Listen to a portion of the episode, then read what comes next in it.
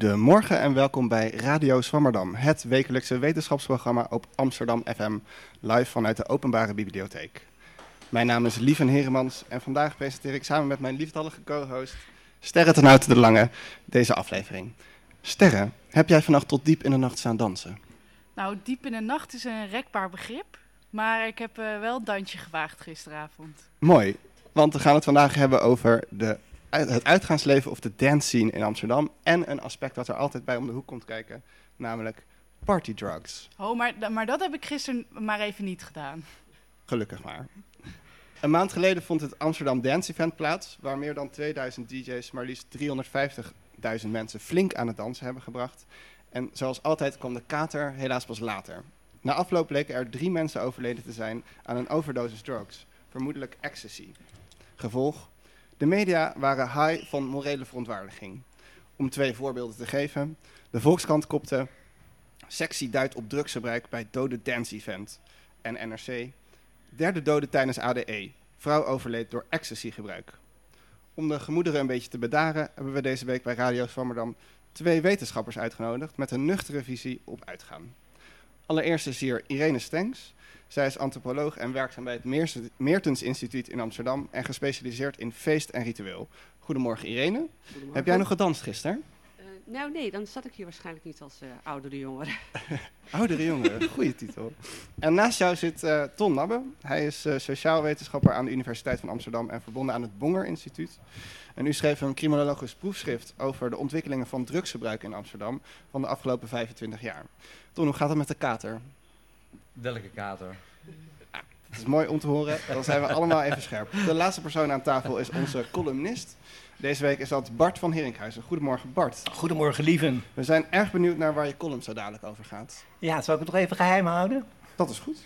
ja, Het is een hele sociaal-wetenschappelijke boel hier aan tafel. En ons object van onderzoek is vandaag de Amsterdamse dance scene. En we hopen een antwoord te kunnen geven op de volgende vragen. Waarom gaat men eigenlijk zo massaal dansen? En waarom gebruiken mensen daar graag drugs bij? Dat gaan we allemaal uitzoeken nadat we zijn opgewarmd met het volgende hitje.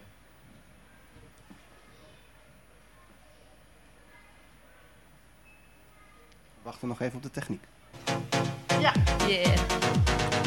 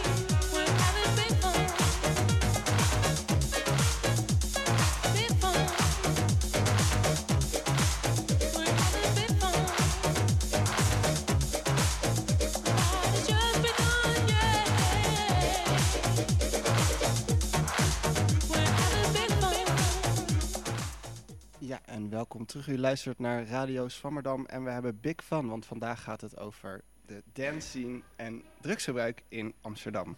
En aan tafel zit hier Irene Strengs. Uh, zij is antropoloog en onderzoeker, uh, onderzoeker verbonden aan het uh, Meertens Instituut, gespecialiseerd in feest en ritueel. Irene, jij hebt als antropoloog onderzoek gedaan naar grote dancefeesten in Nederland. Onder andere bij Sensation White. Zou je ons kunnen vertellen hoe je dat hebt aangepakt? Uh, nou, basaal gezien door erheen te gaan, zou je kunnen zeggen. Mijn uh, interesse kwam eigenlijk voort toen ik dus deze baan kreeg. Uh, onderzoek doen als antropoloog in Nederland naar feesten en rituelen. Vroeg me ook af, ja, wat is nou precies een ritueel, wat is een feest? En zodoende kwam eigenlijk ook die uitgaanscultuur binnen het vizier. En een van de dingen die me opviel was dat als het ging over uitgaan, over clubben, dat het vrij negatief was. Over drugs en uh, geweld bijvoorbeeld, Mhm. uitgaansgeweld. Maar dat er eigenlijk helemaal geen inzicht was in wat, uh, waarom het mensen aantrok en wa wat dat betekende. Dus ik ben daar, dat was eigenlijk de incentive om uh, dit binnen het onderzoeksveld te betrekken. En dus wat was dan jouw uh, hoofdvraag? Mijn hoofdvraag was eigenlijk, ehm, wat, ja, eigenlijk om te begrijpen wat de aantrekkingskracht is en wat, ehm, wat het betekent voor mensen om te gaan, eh, om, ja, om te gaan dansen, zo, te participeren in die dance. Ten meer daar ik wel al wist dat het enorm groot was. Hè? Dat er elk weekend zo wel zo'n beetje 2 miljoen mensen uitgingen. Dus ik dacht, ja, als het om zoveel mensen gaat in Nederland... en niet alleen in Nederland, maar eigenlijk ook al veel breder... in allerlei andere Europese landen... Uh, die dat belangrijk vinden in hun leven... dan wil ik begrijpen waar het over gaat. En hoe heb je dat dan... Uh, hoe ga je 2000, 2000 mensen, zei je? 20.000? 2 miljoen mensen. 2 miljoen mensen. Ja, ja. Oh, wow. ja. Hoe, hoe, ga je 2 miljoen mensen uh, ondervragen over nee. wat ze leuk vinden? Nee, zo doe ik dat dus niet. Dat is dus ook, uh, ik ben ook een kwalitatief onderzoeker. Dus wat dat betreft is mijn onderzoek maar heel bescheiden en, uh, en beperkt, zou je kunnen zeggen. Maar laten we zeggen, een van de uh, dingen die ik uh, zelf fascinerend vond, dat, dat kwam eigenlijk, dat was dan weer een beetje toeval ook, was dat ik een keer in de trein stond en dat hij helemaal vol liep met mensen die in het wit gekleed waren. En dat was eigenlijk mijn reden om het jaar daarop ook naar Sensation White te gaan. En dat, was, uh, en dat betekent dus eigenlijk dat dat kwalitatieve onderzoek beperkt zich tot Sensation White en nog een paar andere dance events. En een, een beperkte groep mensen die daarover verteld hebben aan mij. Dus wat dat betreft, uh, ja, uh, moeten we daar wel, dat wel zo op die manier uh, een beetje bescheiden houden. Ik kan niet 2 miljoen mensen. Dus je bent er gewoon naartoe gegaan, ja. gewoon mensen gaan vragen. Nou, kijk, vragen is ook ingewikkeld in zo'n geval. Het, het, punt is dus ook met um, dat Sensation White. Je kan natuurlijk inderdaad buiten, als je in de rij staat voordat je er binnen gaat, kan je leuke praatjes maken met mensen in de rij en dat soort zaken. Ja. Maar op het moment natuurlijk dat je binnen bent en in die uh, gebeurtenis uh, gaat, met natuurlijk ook, uh, dan houdt eigenlijk het praten wel een beetje op. Dus dat is meer een kwestie van participerend waarnemen, zullen we maar zeggen. Ja, ja. Aantekeningen maken wordt ook heel lastig. Aantekeningen maken, dat zit er ook helemaal niet in. Dus het is eigenlijk meer achteraf wat je nog herinnert, dat schrijf je op. Ja. ja. Oké, okay, en wat heb je toen ontdekt toen je die mensen hebt gesproken? Nou, ja, ontdekt, ja. Nou, het eerste wat ik dus, uh, ik, uh, ik heb dus, uh, wat ik bijzonder, het punt was, ik heb dus niet alleen dit gedaan, maar ook bij buiten gesproken met mensen die graag naar Sensation White gingen. En die hadden mij ook verteld over hoe belangrijk Sensation White was voor hun in de, laat zeggen, jaarlijkse dancekalender. Want deze echte dancers, die gingen bijna elk weekend. En dan was Sensation White was iets als een beetje, wat vergeleken ze bijvoorbeeld met Koninginnedag of hun eigen verjaardag. Dat was echt het hoogtepunt in het jaar van de feesten die ze meemaakten. En um, wat ze dus onder andere deden, was ja, dat hele voorbereiden, eigenlijk dat idee van je weet dat het eraan komt en dan in het wit het omkleden en dan met z'n allen daarheen gaan. Dus dat had eigenlijk, um, en dan wat het bijzonderste was, volgens dan, uh, een van deze jongens die ik erover sprak, was het moment dat je in die arena kwam en dan zo met name, dan begonnen ze altijd bovenin en dan keken ze naar beneden. Je moest ook niet te vroeg komen, want er moesten eigenlijk al mensen zijn. Nou, als iedereen dat denkt, wordt het telkens een beetje later trouwens, denk ik dan. Maar goed. Um, en dan dus, zo'n soort van overweldigend gevoel van wat het betekende om hier weer te zijn. En dat is eigenlijk uh, wat ik dus heel interessant vind, die hele manier waarop mensen... Dus eigenlijk is niet iets wat spontaan gebeurt, maar echt een voorbereiding, technieken worden ingezet om dat moment, die ervaring, die intensiteit van... Uh, daar te zijn en dat tot iets wat heel erg de moeite waard is te maken, dat, dat interesseert mij. Die esthetische en zintuigelijke dimensie van dit, van dance. En ik denk dat, dat, dat je dat wel kan veralgemeniseren, dat dat is waarom er zoveel mensen daarin geïnteresseerd zijn of daarin participeren. En wat dat betreft is, is het gewoon mainstream. Ik hoorde een eh, moeilijk woord, namelijk esthetisch. Kan je uitleggen wat dat precies is? Is dat dat overweldigende gevoel? Nou, dat Lieve is nog nieuw bij ons. eh, zij weet sommige woorden gewoon nog niet. Nou, esthetisch, ja, ja dat, is, dat moet je eigenlijk Aristoteles lezen natuurlijk. Maar goed, ehm, even dan heel kort ehm, gaat het erom dat eh, laten we zeggen, ehm, de, een soort van zintuigelijke, eh, zintuigelijkheid wordt, alle zintuigen worden als het ware ingezet via kleur, eh, geluid, ehm, andere me- lichamen. Dus dat betekent eigenlijk dat alle zintuigen gericht zijn op een speciaal, die dus niet alleen maar kijken of zo, maar een totale ervaring waarop, je, waarop, je mensen, waarop mensen zichzelf eigenlijk met z'n allen in, eh, ja, via dus die, eh, dat effect wat het is als je in zo'n overweldige hoeveelheid verschillende zintuigelijke dingen zit, ja moet ik het zeggen, en die kledij, iedereen in het wit. Dat hoeft trouwens niet zo te zijn. Het hoeft helemaal niet dat iedereen een dresscode heeft, want in heel veel, meeste dance events is dat niet zo. Maar wel een soort van gevoel van gelijkgestemdheid en de bepaalde muziek. eh, en ook die eh laserstralen, dat is allemaal geen toeval. Er wordt heel hard aan gewerkt en dat is de esthetiek van de dance, zou ik zeggen. Dat je al die dingen bij elkaar brengt. En eh, ja, Er zijn dus verschillende elementen die het tot een esthetische ervaring maken. Ja, nou nee, ja, die esthetiek maakt het. Dus die esthetiek en die zintuigen die hangen dus samen. En je zou kunnen zeggen, als, je nou, als er iets er mooi uitziet, dat is een bepaalde esthetiek. Kan je, maar dat is eigenlijk niet de esthetiek waar ik het hier over heb. Het gaat verder, omdat het ehm, niet per se mooi hoeft te zijn, maar het gaat er eigenlijk om dat allerlei, eh, onze, alle onze zintuigen, dus ehm, oren, ogen, eh, reuk en ook dus misschien ehm, de hersenen door middel van drugs of Mhm. alcohol of wat dan ook. Ook een drug trouwens, maakt niet uit. Ehm, en de aanwezigheid van andere lichamen. Dus een lichaam is ook een zintuig, kan je zeggen, in de breedste zin van het woord. Ook het gevoel van die lichamen bij elkaar. Die bij, dat bij elkaar maakt dat die ervaring ehm, eh, opgewekt kan worden, Mhm. gecreëerd. dat, en dat is, de, is eigenlijk, ja, een, een, dus een antropoloog, eh, Birgit Meijer, die heeft geschreven over sensational form. En het Mhm. gaat er eigenlijk ook, dat, die, dat is zo'n dance event is eigenlijk een soort van sensational form, waarbij je dus echt al die zintuigelijkheid inzet tot zo'n esthetische ervaring. Ja. En wat dat betreft is Sensation ook een hele goed gekozen naam. Het is de- ik denk, ja, de, de, de bedenkers van Sensation eh, White of Sensation, die wisten precies waar ze het over hadden. Het is een sensatie die gecreëerd wordt door goed na te denken, dus helemaal geen toeval, over hoe belangrijk de zintuigen zijn. Mhm. Ja.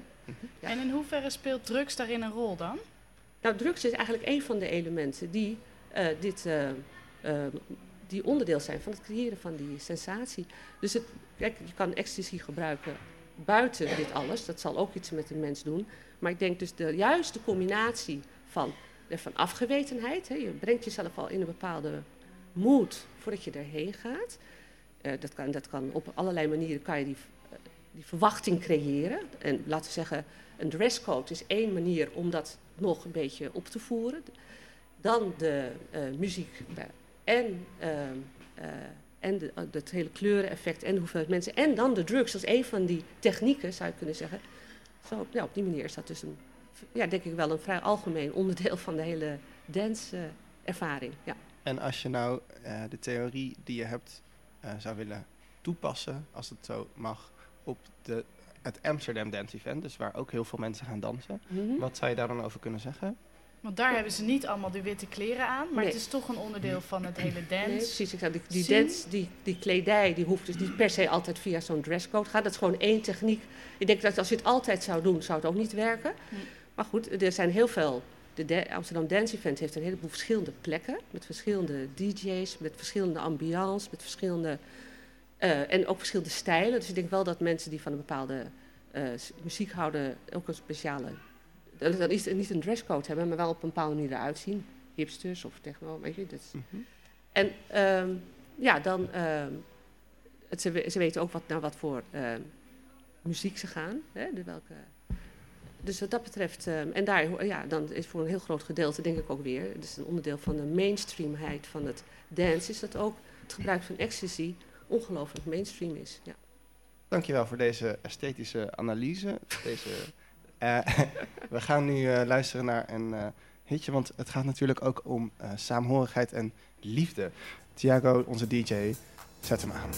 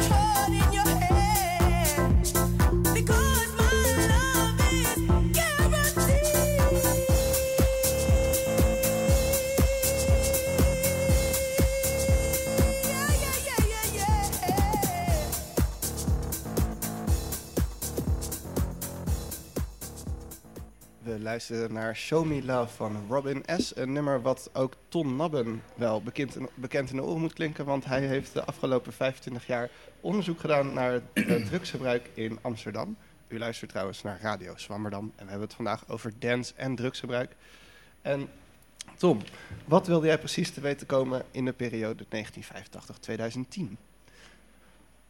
Dat, dat was de periode die je onderzocht, toch? Daar Ja. hebben we gisteren een beetje Nou, kijk, ik heb, ik heb eigenlijk eh, toen, toen de, eh, de House en de, en de MDMA eh, bijna tegelijkertijd binnendenderden hier in Amsterdam. Dat moet ergens rond eind jaren 80 zijn geweest. was er aan het begin nog een zekere sceptisch, want je had nog voor een deel ook gewoon de rockcultuur en de hip-hop. En dat was vrij groot. En dance, dat was toch, dat heette ook helemaal geen dance, maar gewoon house of acid house. En ehm, dat, dat, dat was eigenlijk vrij underground begonnen. En eh, men, men, er waren mensen die, die, hadden zoiets van, nou, dat is gewoon tijdelijk, dat gaat voorbij. En eh, dan komt alweer iets anders, zoals het altijd gaat met stromingen, et cetera. Maar het werd uh, steeds populairder. En, maar we wisten er eigenlijk nog heel weinig van. Uh, Jelly, jij, jij zat vooral hier met de heroïne nog, want de jaren 80 was vooral cocaïne, kwam op, speed, heroïne. We hadden wel iets van 10.000 verslaafden in Amsterdam. De dijk lag helemaal vol met, gebruikers en dealers. En dat was gewoon echt een andere tijd. En opeens kwam die, die ecstasy kwam er doorheen denderen. Via de achterdeur eigenlijk. En dat heeft zoveel eh, vragen opgeroepen van wie zijn deze mensen? Wat is, het voor wat is het voor middel? Wat zijn de motieven van gebruik? Waarom doen ze dat? Wat vinden ze aan die muziek? Allemaal van die... Nou, er is er een systeem opgezet. Dat is de antenne. Dat is in eh, begin jaren negentig hebben we dat eh, hier in Amsterdam op poten gezet. En sindsdien hebben we elk jaar een update gemaakt. Om ook te begrijpen welke groepen ehm, eh, eh, erbij komen en, en hoe dan vervolgens die golfbewegingen gaan van een nieuwe generatie of een subgeneratie, een andere tijdgeest met middelen, et cetera. Dus ik heb vooral naar factoren gekeken waarom eh, sommige mensen of sommige eh, middelen populair worden en waarom er ook een, een, golfbeweging in zit. En om dat te volgen heb je dus mensen nodig die echt gewoon bijna in het embryonale stadium van verandering zitten en die echt een soort vingerspitsengevoel hebben van nou dit is dit is de, de plek waar je moet zijn als je echt gewoon, goed, dus echt gewoon nieuwe, ja, nieuwe, nieuwe locaties ook vinden en met nieuwe muziek, et cetera. En dat heb ik gewoon de hele tijd gevolgd. En toen dacht ik op een gegeven moment, en eh, eh, ik moet een keer promoveren, eh, dus dan ga ik het hier maar op doen. Want eh, omdat ik het al heel lang gevolgd had, had ik gewoon een heel mooi materiaal om, eh, om daar gewoon meer een context aan te geven. Nog even onder het kopje wat eh, andere tijden murmel. eh, technische radio, probeer eventjes goed in de microfoon te praten. Ja. En ehm, dus je hebt specifieke plekken in Amsterdam bezocht? Of jij wist gewoon heel veel van waar je moest zijn? Om... Nou, je moet je voor, voorstellen van, eh, de, we, hebben natuurlijk nu heel, iedereen heeft een, eh, even mobiel en eh, we hebben internet en we, laten ons echt leiden door het screen. En dat was toen helemaal niet. Dus eh, je, je moest het, je moest gewoon doen met een flyer of met een gerucht van, oh, er was ergens een feest in het havengebied en dan ging je dan heen. En, eh, maar goed, eh, het, is allemaal, het was eigenlijk gewoon heel avontuurlijk nog. En eh, eh, eh, dus dat, dat was ook voor een deel ook gewoon zelf uitzoeken. Maar wat we wel zag, was eigenlijk die Rafelrand waar we nu zitten, wa- waar, we ook hier op deze plek, dat waren vaak nog oude gebouwen. Er waren eigenlijk gewoon locaties, die waren niet interessant. En toen, toen de economie na de val van de muur eh, eh, hier op, op drift raakte en er meer geld was om, om te investeren, krijg je ook op een gegeven moment dat die oude rafelranden, juist ook waar de feesten plaatsvonden, eigenlijk zo'n soort no-go areas, maar dat was ook helemaal niet. Die zijn dus op een gegeven moment stuk voor stuk eh, opgekocht, gesloopt en eh, er zijn nieuwbouw naar gezet. Dus het heeft zich, in eerste instantie heeft het zich juist buiten eh, het uitgaansleven, het traditionele uitgaansleven als de plein, heeft het zich voorgedaan. En van daaruit is het langzamerhand terug de stad ingekomen en heeft het zich vermeerderd. In al zijn, wat iedereen ook in al zijn verschillende vormen en uitingen en distincties. En dan kan je ook zeggen dat het steeds meer mainstream is geworden. Ja, het is heel moeilijk wat, wat mainstream. De mainstream is eigenlijk, eh, ja, is er natuurlijk altijd al geweest, maar het hele eh, discours in de, in, de, in de literatuur over mainstream en underground dat is eigenlijk heel statisch. Alsof als iets eh, geen underground meer is, moet het meteen mainstream zijn. En, ik, ik, of als iets geen, dus ik denk van hé, er zit ook gewoon een heel gebied tussen. Ik noem het dan maar de upperground, waarin juist gekoketteerd wordt met de mainstream, maar ook gekoketteerd wordt met, met de underground. Omdat het ook weer aantrekkelijk is voor een nieuwe groep die eigenlijk helemaal geen mainstream wil, maar het eigenlijk toch wel is. Ja. Dus dan krijg je een beetje dat soort. eh, eh, eh, en ook gewoon nieuwe velden waarin die groepen dan komen. Eigenlijk buiten de, de bekende locaties. Ik ben gisteren bijvoorbeeld ben ik naar, naar zo'n feestje gegaan. Nou, dat ligt in de Krukjesweg. Nou, dat is toch wel een, een, een stukje rafelrand, een beetje periferie Amsterdam. in Oost. En er is, er is echt gewoon een loods waar je denkt, hé, dat, die zijn er nog, nog steeds. En mensen die daar dus komen, die hebben dus ook gewoon... Dan kun je ook afvragen, waarom zijn ze hier en niet op het Leidsplein? Dat zegt natuurlijk ook wel wat over de, over de smaakbeleving en waarom mensen daar zijn. En de esthetiek natuurlijk, waar je het over verteld hebt. En eh, kan je iets zeggen over het, het, het, eh, Amsterdam eh, in vergelijking met andere steden? En het drugsgebruik en het uitvalsleven daarin? Nou, het zijn wel een aantal steden in, eh, in, in Europa waar Amsterdam er één van is. Berlijn, Londen, Parijs niet zo, maar eh, wel verstommige buurten. Die, die hebben gewoon een, zekere aantrekkingskracht. En ja, goed, Amsterdam weten we al vanaf de jaren 60, het, het drugsgebruik zit gewoon in, en tolerantie zit gewoon in het DNA van de stad. En eh, dat trok in, in de jaren 60 al groepen hippies aan die op de Dam gingen slapen en in het Vondelpark. En langzamerhand is dat gewoon eh, de coffeeshops die we hebben. Dus dat zijn natuurlijk, eh, de, de gemeente profileert zich daar niet meer zo, zo graag mee. Maar je ziet wel dat ze zich nu meer, veel meer profileren met, met uitgaan, Mhm. met dance. In feite weten ze ook dat die culturen ook middelen gebruiken. Dus zo'n stad is wel, Amsterdam is wel een atypische stad. Gewoon qua bevolkingsopbouw en, en, en invloed van toerisme. Maar het zijn wel de hotspots eigenlijk waar, waar mensen graag naartoe willen. Is het alleen maar om met EasyJet eh, vliegtuigen te boeken even... nou, nou, het is ook een beetje een soort carnaval is het. Eh, en dan gaan we weer Amsterdam is een atypische stad. Wa- waarom? Ja, vergeleken met, met, met andere Nederlandse steden Oh, met andere eh, Nederlandse vind ik dat ja, ja. Maar niet zozeer met Berlijn, maar ja, goed, het is een, het is een hele andere, het zijn gewoon andere groepen. En gewoon de, de, de, de hele, ja, het, het- gewoon de hele economie, de diensteconomie, die is zo uitvergroot en biedt zoveel ja, verleiding dat mensen ook graag zich ook hier willen vestigen, omdat ja goed, eh, eh, de, het avontuurlijke van Amsterdam, eh, de dingen die je kunt ondernemen, dat trekt natuurlijk dat is een hele specifieke groep aan. Die gewoon, zijn, nou goed, dat is dan, we noemen dat dan de, rise of the creative class, was daar inderdaad een. Maar goed, dat zijn dus mensen die, eh, die voor zo'n stad eh, heel aantrekkelijk vinden. Ja, dus we, zijn, we, zijn, we lijken meer op Berlijn dan eh, op Utrecht. Ja, we zouden meer op Berlijn willen lijken, omdat Berlijn ook weer niet zo, eh, zo eh, ook wel in een andere stad is. Maar ik begrijp wel de, de, de, de mensen die ik interview en die ik onderzoek, die hebben altijd wel een, een ster- meer voorliefde voor Berlijn dan voor Londen eigenlijk. Ja. En dan misschien een hele basale vraag, maar waarom gebruiken mensen eigenlijk drugs als ze uitgaan? Nou, niet alleen als ze uitgaan. Hè. Eh, het, is, het is gewoon, we, zien het heel erg als een, als een uitgaansgebeuren. Dat is het natuurlijk voor een groot deel ook. Maar de hele, de hele voorbereiding en de hele, eh, ja, de, het, het, het, het, gevoel eromheen is, is natuurlijk al. Er wordt ook van tevoren, bedoel, je, moet het ook kopen.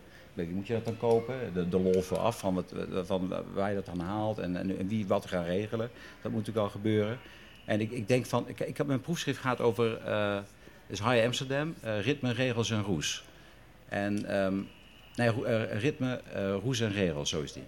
En op een gegeven moment zei de professor, want je moet ook, ja, waarom die titel? Waarom is het niet eerst regels? En dan pas roes en, en ritme. En omdat ik de criminologische onderzoek was, zei ik van nou, nou, dat kan misschien wel zijn, maar ehm, het, het is toch gewoon als je, als je de, de culturen bestudeert en je gaat rondhangen in het uitgaansleven, dan is het toch eerst die roes. Of nee, het is eerst het ritme. Ja. Het begint heel erg met ritme. En die roes die komt er dan eventueel bij. En die zoekt dan een weg van, nou, wat voor ritme is dat dan? En wat voor subcultuur is het? Is het meer speed georiënteerd of, of meer marihuana en heroïne zoals bij- de jazz? Eh, is het LSD wat meer bij, bij hippies? Dus het is ook gewoon eh, een, een, een, speciale betekenis aan, aan, aan, het, aan, het, aan, het, aan het specifieke middel.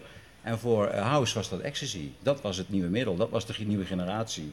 En daarmee kon kan je ook onderscheiden van, eh, van, van, van andere muziekstromingen. Dus, en dan komen die regels, die, die komen daar dan achteraan. Mhm. Ik bedoel, Vinko heeft wel eens een keer gezegd van nou, de generatie gaat niet eerst een boekje lezen wat ze wel en niet mag. Die doen gewoon. Eh, De homo ludens, die begint gewoon te spelen. En op een gegeven moment kom je vanzelf al achter of dat wel of, dat wel of niet mag. En zo is het ook een beetje met die, met die houseparties gegaan aan het begin. Dus het is altijd eerst de rit. In ieder geval, dat is mijn, mijn, ja, mijn hypothese. En hoe zou je dan de events die, of de, de slachtoffers van overmatig drugsgebruik na ADE eh Nou, in ik had die ritme kunnen plaatsen? Eh, nou goed, ik had, ik had eh, een paar dagen voor, voor ADE had ik een, een opiniestuk in het NRC geschreven. Samen met de nachtburgemeester over, ja, goed, over zero tolerance en over dat- soort issues. Over de, de gezondheid, noem maar op. En toen zondag, toen de eerste dooi wil, werd ik door het parool gebeld. Eh, en zei, ja meneer Nabbe, eh, jij heeft wel eens een mooi stuk geschreven... eh, waarin, waarin eigenlijk gepleit wordt voor een, voor een terughoudende overheid... en waar niet te, veel, niet te veel druk op de ketel gezet moet worden. Maar ja, we hebben nu wel een dode, wat vindt u daarvan? Dus ja, dan krijg je inderdaad dat soort dingen krijg je dan Morele terug. paniek. Ja, ja goed, nou, nog niet helemaal. Er zit wel iets in de lucht. Maar ja, dan is het ook gewoon dat ik zelf ook eerst meer vragen heb dan antwoorden. Mhm. Er wordt heel snel gezegd, het is drugs, et cetera. Dat is natuurlijk achteraf vaak wel. Maar dat zijn natuurlijk wel boeiende dingen van, eh, die, die, die, die dan ook gewoon gebeuren. En eh, ja, eh, 300.000 mensen op de been en, en stevig gebruik. Moet iets Dat gebeuren. kan. Hè? Dus eh, we hebben nu dansende mensen in Amsterdam. En dan is er nog beleid, daar gaan we het dan zo over hebben. We gaan eerst even luisteren naar een prachtige column van Bart van Herinkhuizen. Ik zou zeggen, Bart, take it away. Ja, graag. Inmiddels is het al 44 jaar geleden, maar het was zo vreselijk dat ik er tot op de dag van vandaag nauwelijks aan terug durf te denken. Ik heb het er nooit over, maar ja, vandaag met dit onderwerp moet het toch maar even. Ik was 22 jaar oud en ik had al wel eens een beetje marihuana gerookt, maar ik leek te behoren tot die mensen die parmantig zeggen: Nou, ik merk er niks van. Mijn beste vriend in die jaren besloot dat het de hoogste tijd was om mij de genoegens van de cannabis echt goed te leren ervaren. Hij had de hand weten te leggen op een mooi voorraadje van uitstekende kwaliteit, rode Libanon. En dus gingen mijn toenmalige vriendin en ik op die verbijsterende zaterdag 28 november 1970 naar de Fannie Scholtestraat om te eten bij onze vrienden Flip en Karen, waarna het blowen een aanvang zou nemen. De avond verliep gezellig, we keken nog even naar een VPRO-uitzending en toen was het grote moment aangebroken. Ik rekende er alweer een beetje op dat ik Flip zou moeten teleurstellen. Ik zou natuurlijk weer niks voelen. Was het maar waar. Wat me overkwam was zo intens angstaanjagend dat ik tot op de huidige dag, ik heb het al gezegd, huiver als ik eraan terugdenk. Laat ik er één elementje uitpikken. Ik was er zeker van dat ik deze avond zou sterven. Ik werd gek van angst. Het ook toen al bekende voorschrift dat je nooit drugs moet gebruiken als je je niet omringd weet door lieve vrienden, werkte niet. Ze waren er wel, die schatten van vrienden, maar ze konden niet meer bij me komen. Ik was onbereikbaar geworden in mijn kokon van onversneden paniek. Voor hun was wat er gebeurde trouwens ook behoorlijk angstaanjagend. De avond eindigde met een wilde taxirit naar het Wilhelmina gasthuis, waar ik dankzij een hoge dosis tranquilizers weer een beetje tot bedaren kwam. Maar ik bleef er nog jaren last van houden. Niet alleen heb ik sindsdien nooit meer enigerlei soort drugs aangeraakt. Ik ben toen ook genezen van modieuze praatjes over de totale onschadelijkheid van hash. Kom mij niet aan met verhalen dat een joint niet veel meer in het brein teweeg brengt dan een paar glaasjes bier. Inmiddels weet ik dat wat mij overkwam tamelijk uitzonderlijk is. Maar dat het wel degelijk zo nu en dan voorkomt. De gevalsbeschrijvingen liegen er niet om. Vertrouw dus nooit iemand die zegt dat een bepaalde druk echt, echt eerlijk waar heus helemaal geen kwaad kan. Dat geldt misschien voor hem of voor haar in meer of mindere mate. Maar of dat voor jou ook geldt, dat moet je nog maar helemaal afwachten. Elk organisme reageert anders op drugs. En ook op voedingsmiddelen en ook op uh, andere genosmiddelen. En als je niet langs experimentele weg wilt ontdekken of jij toevallig die ene persoon bent die gek wordt of die doodgaat na het slikken van wat zo'n vrolijk pilletje leek, dan is er eigenlijk maar één goed advies: don't do drugs. Dat is de les die ik heb geleerd in die heerlijke, vrijgevochten psychedelische jaren 60. Al sinds een jaar of twintig hoor ik van mijn studenten de verhalen over die grote feesten waar elektronische dancemuziek wordt gedraaid en waar de bezoekers in een soort trance raken op hypnotiserende, repetitieve klanken. Ze verzinken in een vibe. Ze voelen zich één met de honderden of de duizenden mensen die op diezelfde klanken ritmisch bewegen, soms ook op dezelfde wijze en in dezelfde kleuren gekleed. En sinds jaar en dag hoor ik die verhalen stevast aan het einde van altijd hetzelfde college, namelijk het college over de godsdienstsociologie van Emile Durkheim. Deze grote Franse denker schreef een boek over de sociologie van de religie. Dat verscheen al in 1913, is dus al 100 jaar oud. En in die studie, Les formes élémentaires de la vie religieuse, staat een woord dat mijn ravende studenten onmiddellijk begrepen. Vooral als ik het even uitleg. Het begrip effervescence collective. Dat is de roes waarin de deelnemers aan een religieus ritueel raken wanneer ze samen ritmisch bewegen, dansen, zingen. Er begint dan iets te, iets te schuimen, dat is dat woord effervescence, iets te bruisen in zo'n menigte. De deelnemers ervaren een gevoel van intense saamhorigheid. Ze drijven weg van de sensatie aparte individuen te zijn. Ze gaan op in de gemeenschap. Ze ervaren, ja, wat ervaren ze? Ze ervaren iets dat zonder meer religieus te noemen is. Ze ervaren communitas. Een correcte sociologische constatering, het feit dat we allemaal onderdeel zijn van een sociale figuratie, kan in deze tijd van individualisme nauwelijks als een intuïtief overtuigende werkelijkheid worden ondergaan, maar tijdens zo'n religieus ritueel vol effervescence wordt het als bij toverslag een doorleefde evidentie.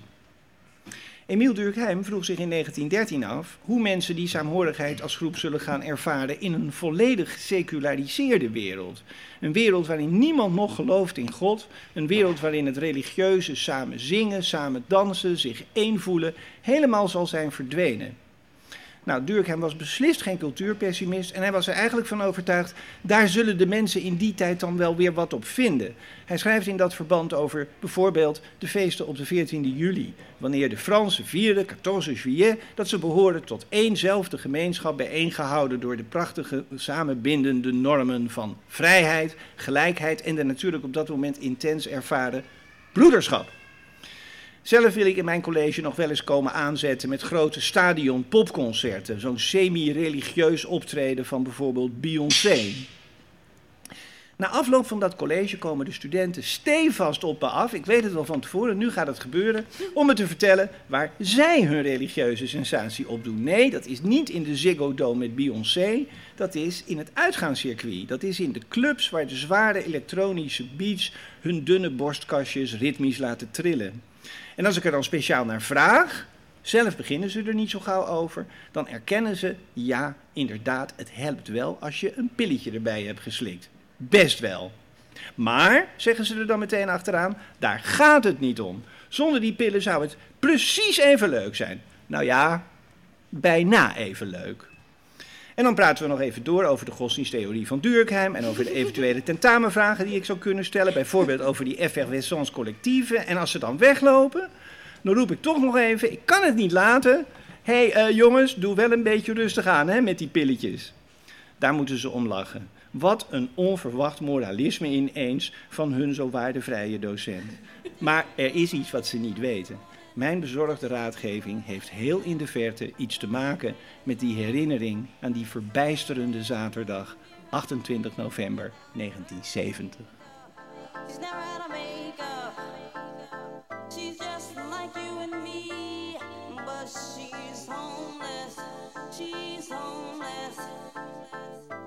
She's never had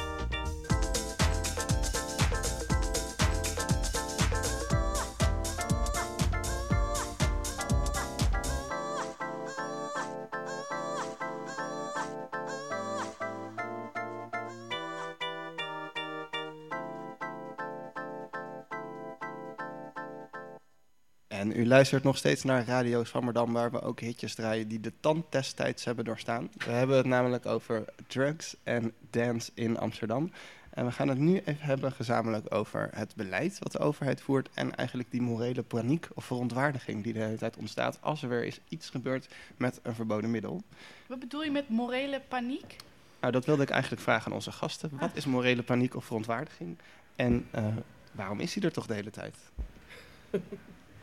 Is er dus niet de hele tijd. Dus paniek betekent al dus dat het iets is wat op een gegeven moment weer gebeurt. Maar er is wel eens iets in relatie tot dit onderwerp. En laat zeggen dat ehm, de, het idee in elk geval dat ehm, deze hele, dat hele dance, dat het hedonistisch is. En eigenlijk dat, ehm, de hele, dat te zeggen, er is dus een deel van de samenleving die het op die manier wegzet en associeert alleen maar met negatieve aspecten. Ja, dat is, je zou kunnen zeggen, dat is een soort van basishouding. Die wel veranderd is, want het is wel zo ten opzichte van tien jaar geleden of twintig jaar geleden, toen het nog echt inderdaad heel klein was. Ja, je ziet dat eh, in elk geval, eh, en daarvoor is bijvoorbeeld het Amsterdam Dance Event zelf is daar een voorbeeld van. Hoe algemeen, hoe geaccepteerd dance is geworden. Dus eigenlijk van iets wat veel meer in de marge was en in de rafelranden. zie je dat er een soort van haast nationale trots is op al die DJ's die wereldwijd naar China afreizen. En ja, als een soort van exportproduct. En eh, de trots over, op IDT en dat concept Sensations, wat overal in Europa rondreist en nu naar Amerika is gegaan. Maar je ziet dus op de achtergrond is dus die gewikkeldheid met eh, dat het een verkeerd soort drug is. Want hè, laat zeggen over alcohol is geen probleem, of dat is geaccepteerd. Maar als- dan wil ik niet zeggen dat het goed is om eh, in naar de volging van eh, wat Bart net zegt. Dat, om, dat, ik wil propagandeer het niet, maar het gaat erom dat er een basishouding is. Nu, in elk geval ook in deze tijd zo erg, die ook veel, ja, eh, moet zeggen, ehm, repressiever is en conservatiever. En waarbij dus als het ware ten aanzien van drugsgebruik en hashish, ook marihuana, is er, is, het is niet alleen maar ecstasy, is er dus echt een verandering ehm, die zegt het is verboden en daarmee eh, zetten wij een beleid in van, ehm, eh, van re- repressie en criminalisering. En dat is denk ik wel een hele slechte weg om te gaan.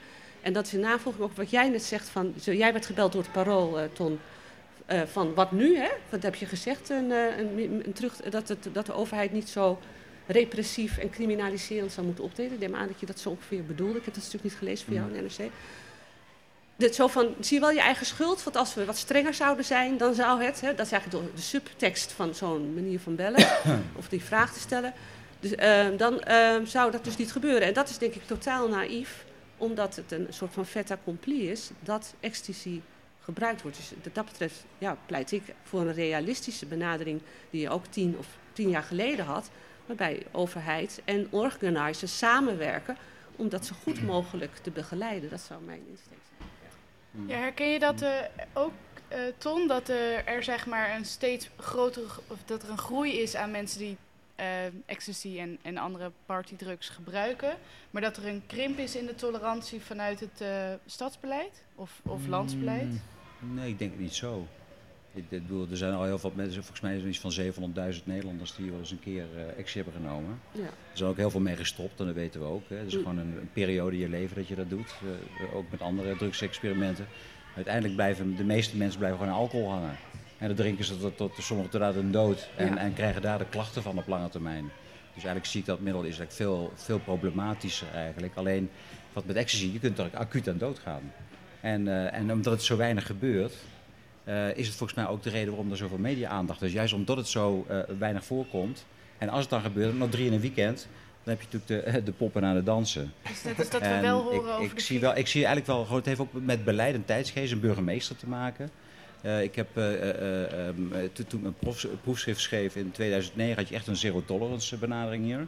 En zero tolerance is ook net zoals moral panic ook zo'n criminologische term. Mm. Waarin heel erg eh, vanuit New York is overgewaald. Van we, we dulden niks en we laten onze tanden zien. En we geven heel duidelijke regels. Dit laten we wel toe en dit niet. De politie op de feesten, drugshondjes erbij.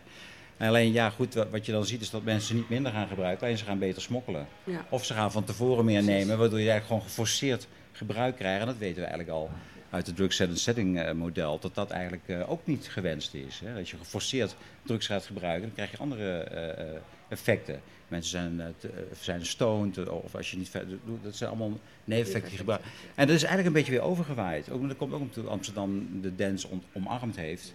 En ook, ook de hele, hele infrastructuur daarop op gebaseerd is. En ik, ik, ben, ik denk op zich wel dat het goed is om vooral die, eh, die risico, eh, die harm reduction eigenlijk, wat ook gewoon een, een pilaar van de overheid is, eh, voorlichting, zorgen als mensen het dan doen, doe het dan zo veilig mogelijk.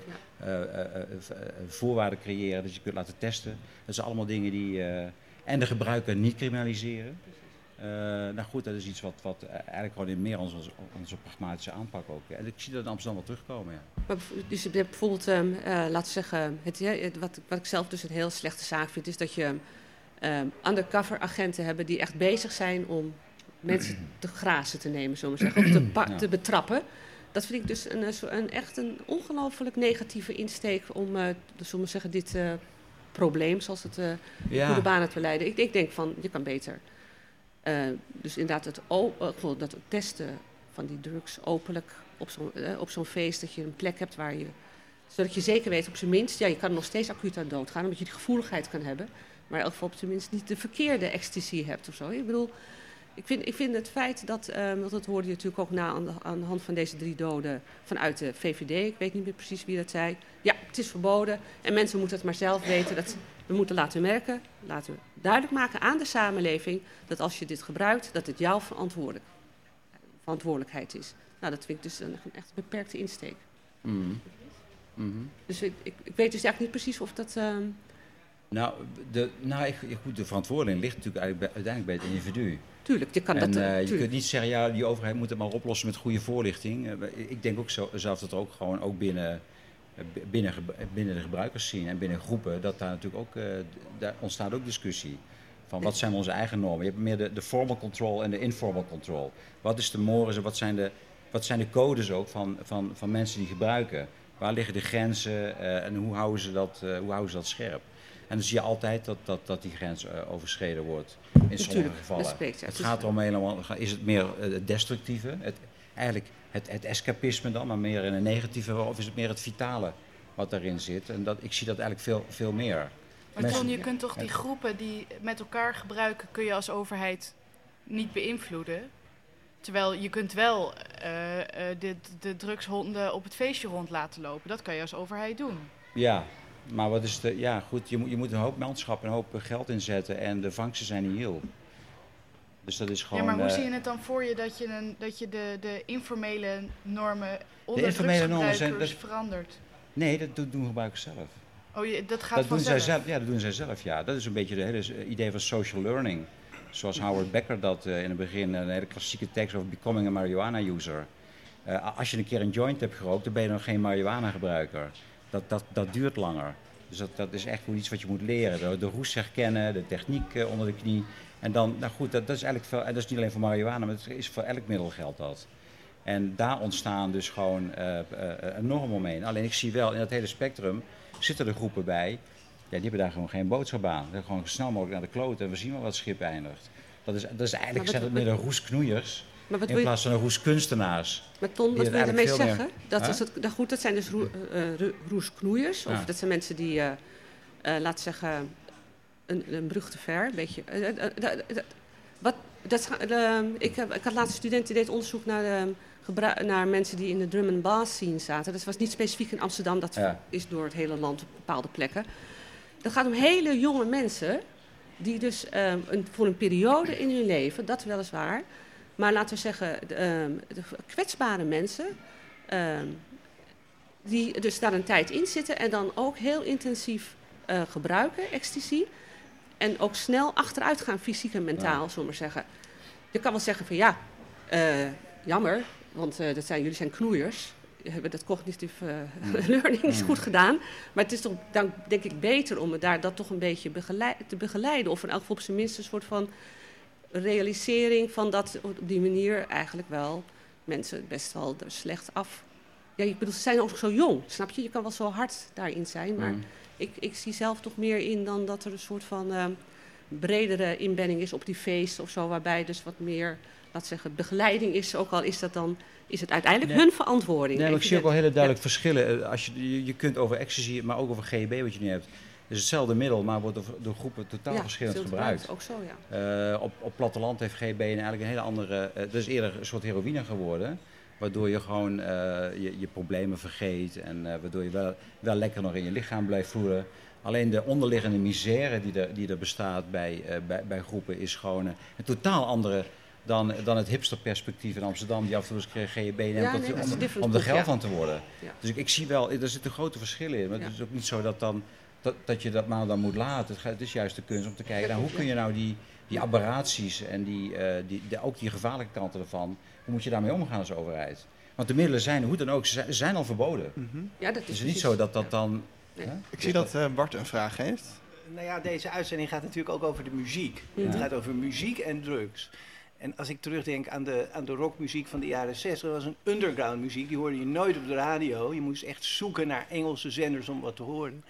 Deze muziek, deze dancemuziek, is enorm populair. En eigenlijk van bovenaf ook gesanctioneerd. Toen eh, eh, de, de, de koning Ja. eh, aantrad, toen voer hij hier door de grachten. En High door, five met Armin van Buren. en eh, Armin van Buren, dat zijn eh, nationale helden. En daar gaat verschrikkelijk veel geld in om. En we Ja. hoorden net van jou, eh iedereen, eh 2 miljoen mensen. Dat maakt dan ook natuurlijk het risico groter dat er dan ook dingen misgaan. Je zou kunnen zeggen, drie doden op die 2 miljoen, statistisch gesproken, dat is dan weer niet zoveel Nee. natuurlijk. Het is tegenwoordig zo'n mainstream cultuur geworden. Die muziek, die staat tegenwoordig, dat is een exportproduct geworden in Nederland. En Dus- daar hoort dit blijkbaar ook bij. Aan de ene kant hebben we de overheid en zeker ook Amsterdam die zich heel erg verkoopt en de muziek ziet als een verkoopproduct. En aan de andere kant hebben we dat beleid wat een beetje, ja, dat probeert de, de nare kanten daarvan probeert onder de kop te drukken. Zou je dat zo kunnen zeggen? Ja, het is, het is heel schizofreen eigenlijk. Ja, want je, het is zo de, de- het bekende moral, eh, het is een beetje de- dat fun disorder eh, paradox die erin zit. Aan de ene kant kun je zeggen, ja, waarom, waar- waarom faciliteert de overheid feesten waar drugs gebruikt worden? Moeten we dat, toe, moeten we dat toestaan? Eh, dat, dat kun je aan de ene kant. Aan de andere kant is het, zie je ook wel dat er, als je het meer positief bekijkt, heeft het ook, ook wel een best wel een grote impact voor mensen die naar het zo- feesten gaan. Het hele idee van onveiligheid, wat, wat vaak eh, een, een, dat is toch, dat, dat, bedoel, mensen voelen zich eigenlijk heel veilig Ja. binnen, eh, binnen de grens, omdat er ook gewoon afgebakende eh, gebieden zijn, een soort feestreservaten, waarin je juist je, je, los kunt gaan of wil gaan. Nee, en het is helemaal heel en goed. ik, ik, dat zijn ook gewoon hele juist positieve manieren van hoe mensen dat beleven. Maar ja, goed, dan kan je dat afvragen. Kijk, de branduitgang is goed geregeld. eh, de beveiliging, eh, dat gebouw stort niet in. De, weet je, dus al die dingen van veiligheid zijn goed geregeld. Ja. Dus neem dit ook nog een beetje mee, zou ik zeggen. Dat, Hmm. men, eh, Ja. Oké, we zijn helaas door de tijd heen. Oh. We zijn aan het einde gekomen van deze aflevering en concluderend kunnen we zeggen dat we eigenlijk de overheid een beetje schizofreen is wat betreft drugs. En dat ze misschien zelf ook wel eens een pilletje mogen nemen. Eh, mocht je nu al zelf een tijdje niet meer zijn wezen dansen, maar heb je wel zin om van je, jezelf vanuit de luie stoel eh, onder te dompelen in de wereld van dance, dan heb ik nog een persoonlijke tip. Volgende week draait op ITVA, ook al zo'n Amsterdams cultuurproduct, de 3D-documentaire Under the Electric Sky. eh, waarin verslag wordt gelegd van een heel kleurig dance-event in Californië. Dus Volgende week Burn- Is dat Burning Man? Nee, eh, het- ik weet niet precies hoe het heet. En volgende week gaat Tim Wagenmakers het hebben over eh, iets minder vrolijk, maar wel serieus thema, namelijk oorlogstrauma's. Ik dank hierbij mijn co-host en onze gasten en onze columnist en DJ Thiago, die achter de knoppen stond. En mocht je nog een keer langs willen komen, We zijn eruit, denk ik. zijn eruit? Als we eruit zijn, dan kan je altijd nog langskomen op de tribune. En dan kletsen we verder.